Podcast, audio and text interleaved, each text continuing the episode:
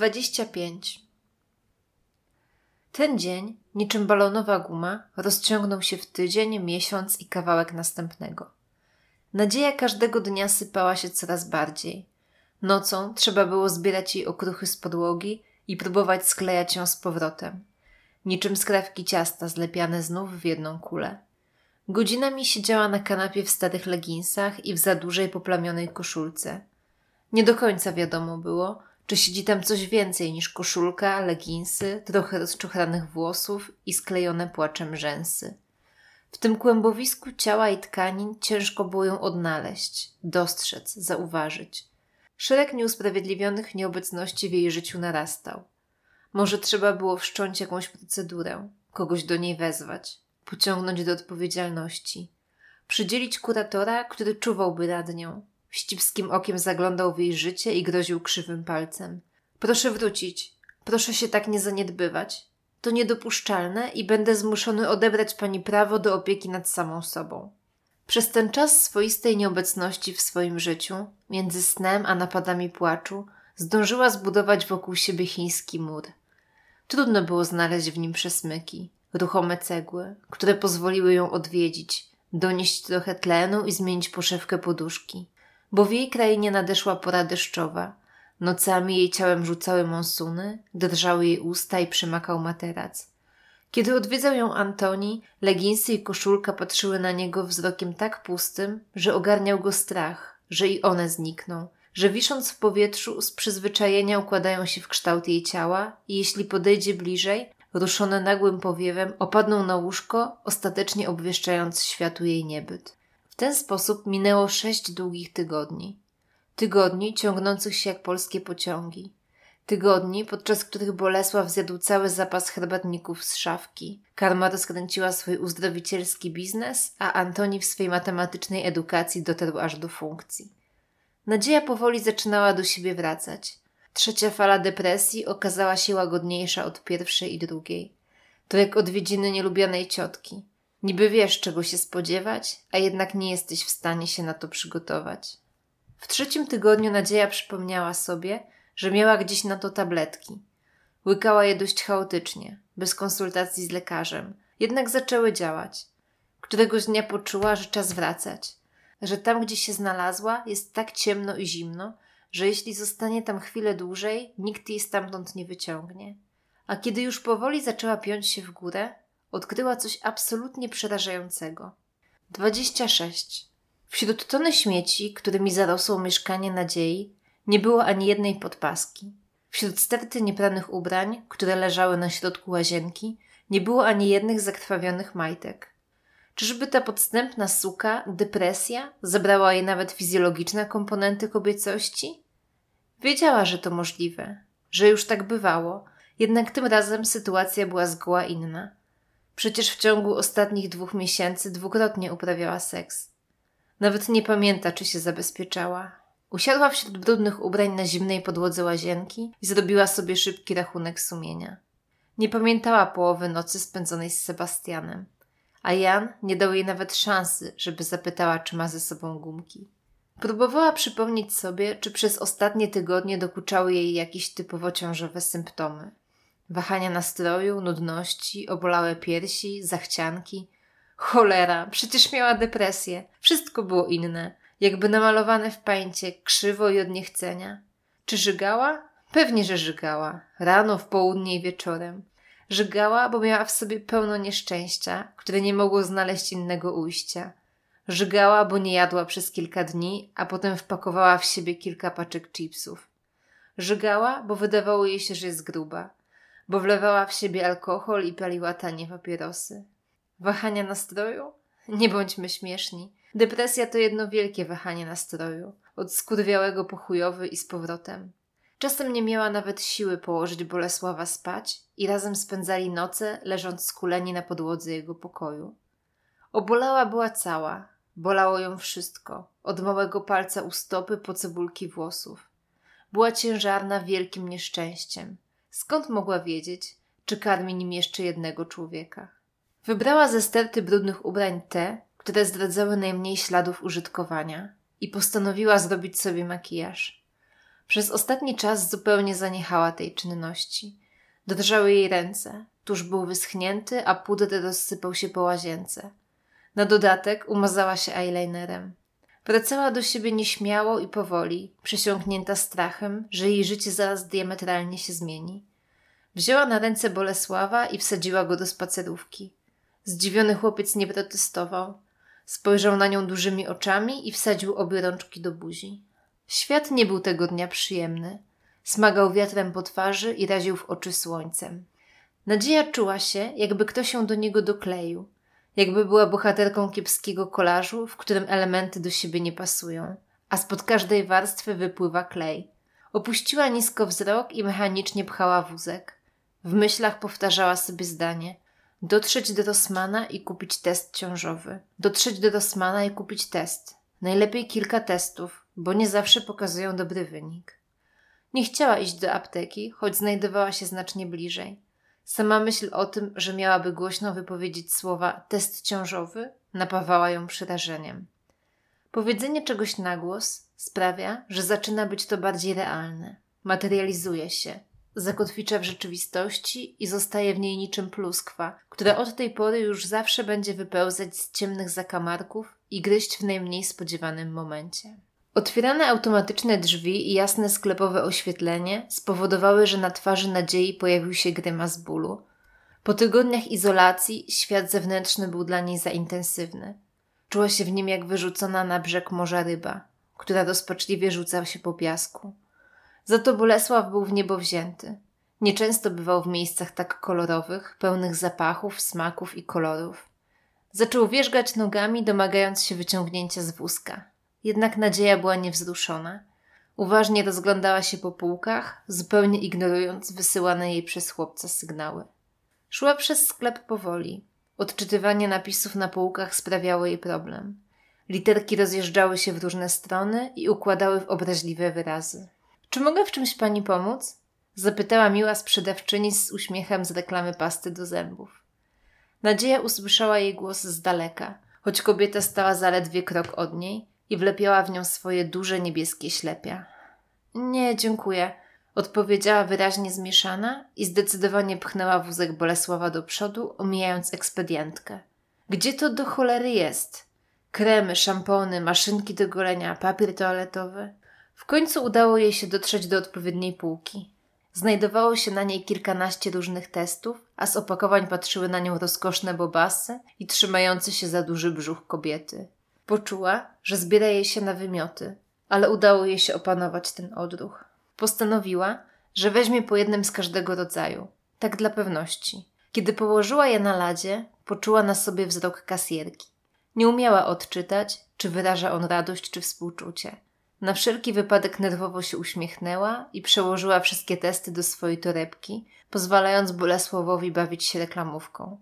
Wiedziała, że będzie mogła je wykonać dopiero jutro rano, więc czekał ją trudny wieczór.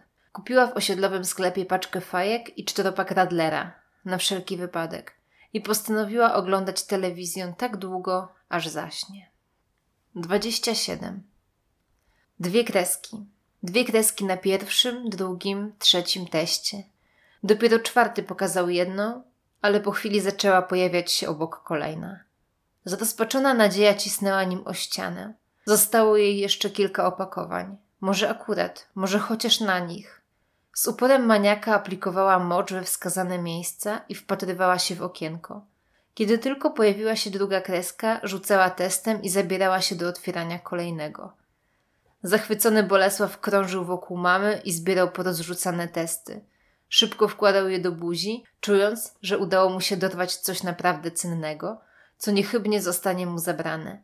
Musi się tym niespodziewanym szczęściem nacieszyć, póki mama zajmuje się tylko sobą. Ostatni test, kolejny pozytywny wynik, który bynajmniej nie kojarzył się kobiecie z niczym dobrym. Powinno wykonywać się specjalne testy dla kobiet, które pragną dziecka i dla tych, które zdecydowanie odmawiają jego posiadania. W tym drugim wypadku wynik pozytywny brzmi jak jakiś ponury żart – takiej wiadomości nie ma nic pozytywnego. Miała znaleźć porządnego faceta, który pokochałby Bolesława jak syna, a następnie go z nim zostawić. Tymczasem to ona zostawiona była na pastwę losu. z niewiadomego pochodzenia brzuchem, z jednym felernym dzieckiem, z rozwodem, z pracą, w której nie pojawiła się od miesiąca, z długami, z zagrzybiałym mieszkaniem. Wszystko poszło nie tak. Cały jej misterny plan legł w gruzach. Nie umiała znaleźć w sobie miłości dla jednego dziecka, a przyjdzie jej opiekować się drugim. Nie udaje się, nie poradzi sobie, nie da rady, polegnie, zdezerteruje, podda się. Nigdy nie była dobrą matką i nie zanosiło się na to, że będzie. Alimenty? Od kogo ma je dostawać? Od Seby, którego nie stać było na to, żeby postawić jej zestaw w maku? Czy od Jana, o którym wie tylko to, że przedstawia się Jan, lubi ostry seks i nowozelandzkie kangury? Kogo miałaby poprosić o test na ojcostwo? Jak? Przez portal randkowy czy SMS-em? Obaj zaśmieją jej się w twarz. Twarz, która wyraża właśnie czystą rozpacz. Twarz kobiety, która żałuje, że zaczęła zdrowieć z depresji, bo nieświadomość, w której żyła, okazała się być jednym z najlepszych doznań ostatniego czasu. Nie poradzi sobie sama, nie da rady. Zdesperowana chwyciła za słuchawkę i wybrała numer Antoniego. 28. Rok szkolny się skończył. Angela oczywiście nie zdała, lecz ku zaskoczeniu wszystkich postanowiła podejść do sierpniowego egzaminu poprawkowego. W związku z tym faktem dalej uczęszczała na korepetycję u Antoniego. Mama chciała wynająć jej profesjonalnego nauczyciela, ale dziewczyna uparła się, że albo kioskarz, albo nikt inny. To też matematyczno-nikotynowe seanse trwały w najlepsze. Czasami Angela przynosiła blanta, czasem Antoni otwierał przy niej jakąś słodką nalewkę, zawsze jednak w tle była królowa nauk a wszelkie cielesne i duchowe przyjemności stanowiły jedynie nagrodę za zgłębianie jej tajemnic. Antoni całkowicie odpuścił pobieranie pieniędzy za lekcje z Angelą. Była to dla niego przyjemność. Wyczekiwał tych spotkań. Polubił tę niską, czarnowłosą nastolatkę, dziwną hybrydą ojcowskiej opiekuńczości, męskiego pożądania i zwyczajnego kumpelstwa. Razem śmiali się i obgadywali mieszkańców osiedla – Raz nawet zdarzyło się, że Angelika odwiedziła go w kiosku i razem z nim sprzedawała gazety, papierosy i bilety. Ona sama również nie umiała określić, jakim uczuciem darzy Antoniego. Wyobrażała sobie, że gdyby miała ojca, pewnie zachowywałby się właśnie tak jak kioskarz, choć pewności też mieć nie mogła, bo od urodzenia wychowywała ją wyłącznie matka. Owszem, czasem Antoniego uwodziła, ale robiła to raczej odruchowo, trochę z obawy, że któregoś dnia przestanie się nią interesować. Nie miała nic do zaoferowania prócz seksu. Nie widziała w sobie nic innego, co mogłoby zainteresować drugą osobę. To też ochoczo eksponowała swoje wdzięki i uwodziła każdego, na kim choć trochę jej zależało. To była waluta, w której Angela okazywała swoją sympatię. Niektórzy ochoczo z niej korzystali, chociaż Antoni dzielnie się opierał, co wzbudzało w niej zarówno szacunek, jak i obawę, Nadszedł jednak dzień, w którym kioskarz musiał wykazać się naprawdę silną wolą. Dochodziła dwudziesta trzecia. Antoni zjadł już kolację, wziął prysznic i rozsiadł się na kanapie, niepewny swojej przyszłości. Rozważał trzy opcje spędzenia wieczoru i żadna z nich nie wydawała mu się szczególnie atrakcyjna. Miał do wyboru film na Polsacie, sen albo masturbację. Na to ostatnie czuł się trochę zbyt zmęczony, choć nie aż tak, żeby od razu pójść spać. Rozsądnym wyjściem wydawał się więc film na Polsacie. Jednak widział już go dwa razy i doskonale pamiętał, jak się skończy. Inne kanały proponowały jeszcze większe gówno, to też czuł się tym wieczorem oszukany. Tyle czasu człowiek czeka na weekend, tylko po to, żeby telewizja karmiła go starym, setki razy przerzutym kotletem. Może faktycznie powinien zacząć korzystać z internetu, albo kupić sobie wreszcie odtwarzacz DVD, z tych ponurych rozmyślań wyrwało go pukanie do drzwi. Kto do cholery przychodzi do niego o tej porze? Ruszył w stronę korytarza, mając nadzieję, że nie spotka tam swojej byłej żony. Serdecznie żygał już tą jej depresją, notorycznym podrzucaniem mu Bolesława i rozpaczliwymi nocnymi telefonami. Cicho podszedł do Judasza i spojrzał przez wizjer. Po drugiej stronie drzwi stała Angela, choć słowo stała użyte jest lekko na wyrost. Angela słaniała się na nogach, podtrzymując ściany i wyraźnie walcząc z grawitacją. Przerażony, otworzył drzwi i zdecydowanym ruchem wciągnął ją do środka. Co ty tu robisz? zapytał gniewnie, a w odpowiedzi usłyszał donośne czknięcie. Dziewczyna milczała, wlepiając w niego swoje niebieskie oczy. Cały jej zazwyczaj starannie wykonany makijaż spłynął po policzkach, tworząc czarne smugi. Ramionczko kłusej czarnej bluzki opadało smutno na ramię. Dobra, jeszcze raz. Angelika, nie gniewam się na ciebie. Powiedz mi proszę, czy coś ci się stało? Pokiwała przycząco głową. Okej, okay. czy ktoś zrobił ci krzywdę? Nie poruszyła się w żadną ze stron. Angelika, co się stało, dziewczyno? Mam cię odwieźć do mamy? Albo na policję? Na miłość boską powiedz coś. Tym razem Angela przycząco pokiwała głową i wzięła ciężki, głęboki wdech, jakby przygotowywała się do trudnej przemowy. Rzucił mnie, wystękała. Kto cię rzucił? O co cię rzucił? Chłopak mnie rzucił, Alan, powiedziała i zaniosła się płaczem. A, a, a potem się tak, tak strasznie najebałam. Ja, ja nie mogę, ja nie mogę tak wrócić do domu. Czy twoja mama myśli, że śpisz u Alana? Zapytał rzeczowo pszczółka. Zasmarkana twarz kiwnęła potakująco. Dobrze, niech myśli tak dalej. Możesz tu zostać, chodź. Antoni wziął Angelikę delikatnie za ramię i zaprowadził do swojej sypialni. Pomógł jej położyć się na łóżku i okrył kocem. Przyniósł wody z cytryną i kilka maślanych ciastek. Zjadła i wypiła wszystko, po czym z wdzięcznością spojrzała na niego i wysłała mu nieśmiały uśmiech. Zawsze mogę na ciebie liczyć, powiedziała i położyła głowę na jego kolanach. Odruchowo zaczął przyczesywać palcami jej włosy i delikatnie głaskać po policzku. Pod warstwą podkładu skóra była pokryta drobnymi krostkami. Wydały mu się tak rozczulająco swojskie i ludzkie. Nie wiedział, czy głaszcze ją bardziej jak dziewczynkę, czy jak kobietę, ale hipnotyzowała go ta czynność. Powtarzał ją, dopóki nie zyskał pewności, że wygłaskał jej z głowy wszystkie zmartwienia i troski, że zabrał je po to, żeby mogła cieszyć się spokojnym, niczym niezmąconym snem.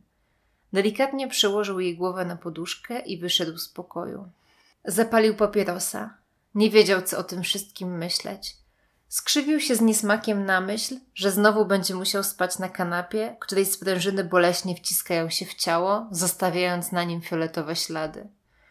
A może wziąłby drugą kołdrę i położył się obok Angeli? Czy miałaby coś przeciwko? I tak śpi tylko na małej połowie łóżka. Przysunąłby się do ściany, tak żeby niczego nie zauważyła. To jest myśl. Tak zrobi. To jego dom i jego łóżko. Nie będzie sypiał w niewygodnych miejscach, bo pijane kobiety upatrzyły go sobie jako cel. Kilka minut później przygotował swoje posłanie koło śpiącej Angeli i delikatnie wsunął się do łóżka. Dopiero kiedy się w nim położył, odczuł, jak dziwna jest ta sytuacja. Nie pamięta już, kiedy spał z kobietą, a co dopiero z nastolatką. Wstrzymał oddech, kiedy dziewczyna poruszyła się przez sen, ale chwilę później przycisnął się całym ciałem do ściany i zasnął. Nad ranem obudziło go dziwne uczucie. Było niezwykle przyjemne i rozchodziło się po całym wysuszonym ciele Antoniego. Delikatnie mrowiło go w palcach u stóp i przyjemnie łaskotało w okolicach karku. Główne źródło przyjemności znajdowało się jednak w okolicach genitaliów. Pszczółka przeciągnął się i oddał sennej rozkoszy. Po chwili podskoczył jak oparzony. To nie był sen. Przestraszona jego nagłą reakcją nastolatka, szybko cofnęła rękę, zostawiając go z głupią miną i pełną erekcją. Ange Angelika, co, co, co ty, Angela? Dziewczyna położyła palec na ustach, sygnalizując, żeby się uciszył. Zrobiła to w tak seksowny sposób, że Antoniemu przeszła cała ochota do walki. Była tak wyuzdana, że Antoni poczuł się jak mały, niedoświadczony chłopiec, którego ktoś pragnie wciągnąć w zabawę dla dorosłych. Czuł się zarówno podniecony, jak i przestraszony. Angelika była szybka i pewna, on ślamazarny i nieporadny. Pszczółka zaczął panikować. Nie wiadomo czemu pomyślał nagle o żonie i synu. W jego oczach dziewczyna znów zaczęła mieć siedemnaście lat, a nawet mniej. Czternaście, piętnaście, trzynaście młodniała mu w oczach, aż przerażony jęknął i zrzucił ją z siebie. Przestraszona Angelika wpatrywała się teraz w niego oczami zbitego psa. Na jej rzęsach kołysały się wielkie jak grochy łzy. Podkuliła nogi pod siebie i szczelnie otuliła się kołdrą. Antoni nigdy nie widział bardziej nieszczęśliwej osoby. Odrzucona dwa razy w ciągu zaledwie jednej doby, nie wiedziała, co ze sobą zrobić. Zaczęła lekko i rytmicznie się kołysać. Kiedy Antoni próbował wyciągnąć do niej rękę, odskoczyła. Angelika, ja, ja nie mogę, Masz dopiero 17 lat, a ja mam żonę, dziecko. Przepraszam, nie mogę. Pójdę już, odpowiedziała, ale nawet nie drgnęła. Zostań, proszę. Nikt mnie nie chce, odpowiedziała dziewczyna i wbiła wzrok w wystające spod kołdry palce stóp. Były wyjątkowo drobne i kształtne. Paznokcie pomalowała na ciemną czerwień. Ja cię chcę, odpowiedział łagodnie Antoni. Ale nie w ten sposób. Nie tak. W oczach Angeli pojawiło się coś na kształt zdumienia. Czy można chcieć ją inaczej, niż pragnąć jej ciała? Nigdy nikt jej tego nie pokazał ani nie powiedział. Znów poczuła się przy Antonim jak dziecko. Ze wstydem założyła koszulkę i przytuliła się do niego. Tym razem jej dotyk był inny. Jakby w kilka sekund zrzuciła starą skórę i przeoblekła się w nowe ciało. Miękkie, ciepłe, pachnące ciało dziecka. Antoni odwzajemnił uścisk i wtulił nos w jej włosy. Był prawie pewny, że czuł w nich znajomy zapach mleka. Kołysał ją w ramionach i wierzchem dłoni ocierał łzy, które ciekły po policzkach. Resztę nocy Antoni spędził na kanapie. Postanowił oddać łóżko wycieńczonej Angeli i odzyskać trochę prywatności. Długo nie mógł zasnąć. Myślał o Bolesławie, o jego małych, chudych rączkach, o szczerbatym uśmiechu i nieporadnych krokach. Myślał o tym, że gdzieś w głębi swojego małego ciała Bolesław też musi być ciepły i miękki. Zastanawiał się, czemu nigdy tam nie dotarł i czy jeszcze kiedyś uda mu się to zrobić.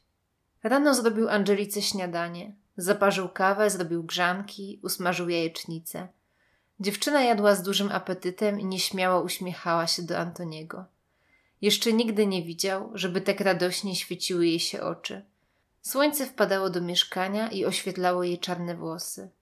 Zauważył, że ma odrosty, że pod tą mroczną skorupą schowana jest krucha blondynka. Uśmiechnął się do siebie. Nagle zadzwonił telefon. Na ekranie wyświetlił się napis Nadzieja. Odruchowo odebrał. Antoni, dziękuję, że odebrałeś. Musimy się spotkać, proszę.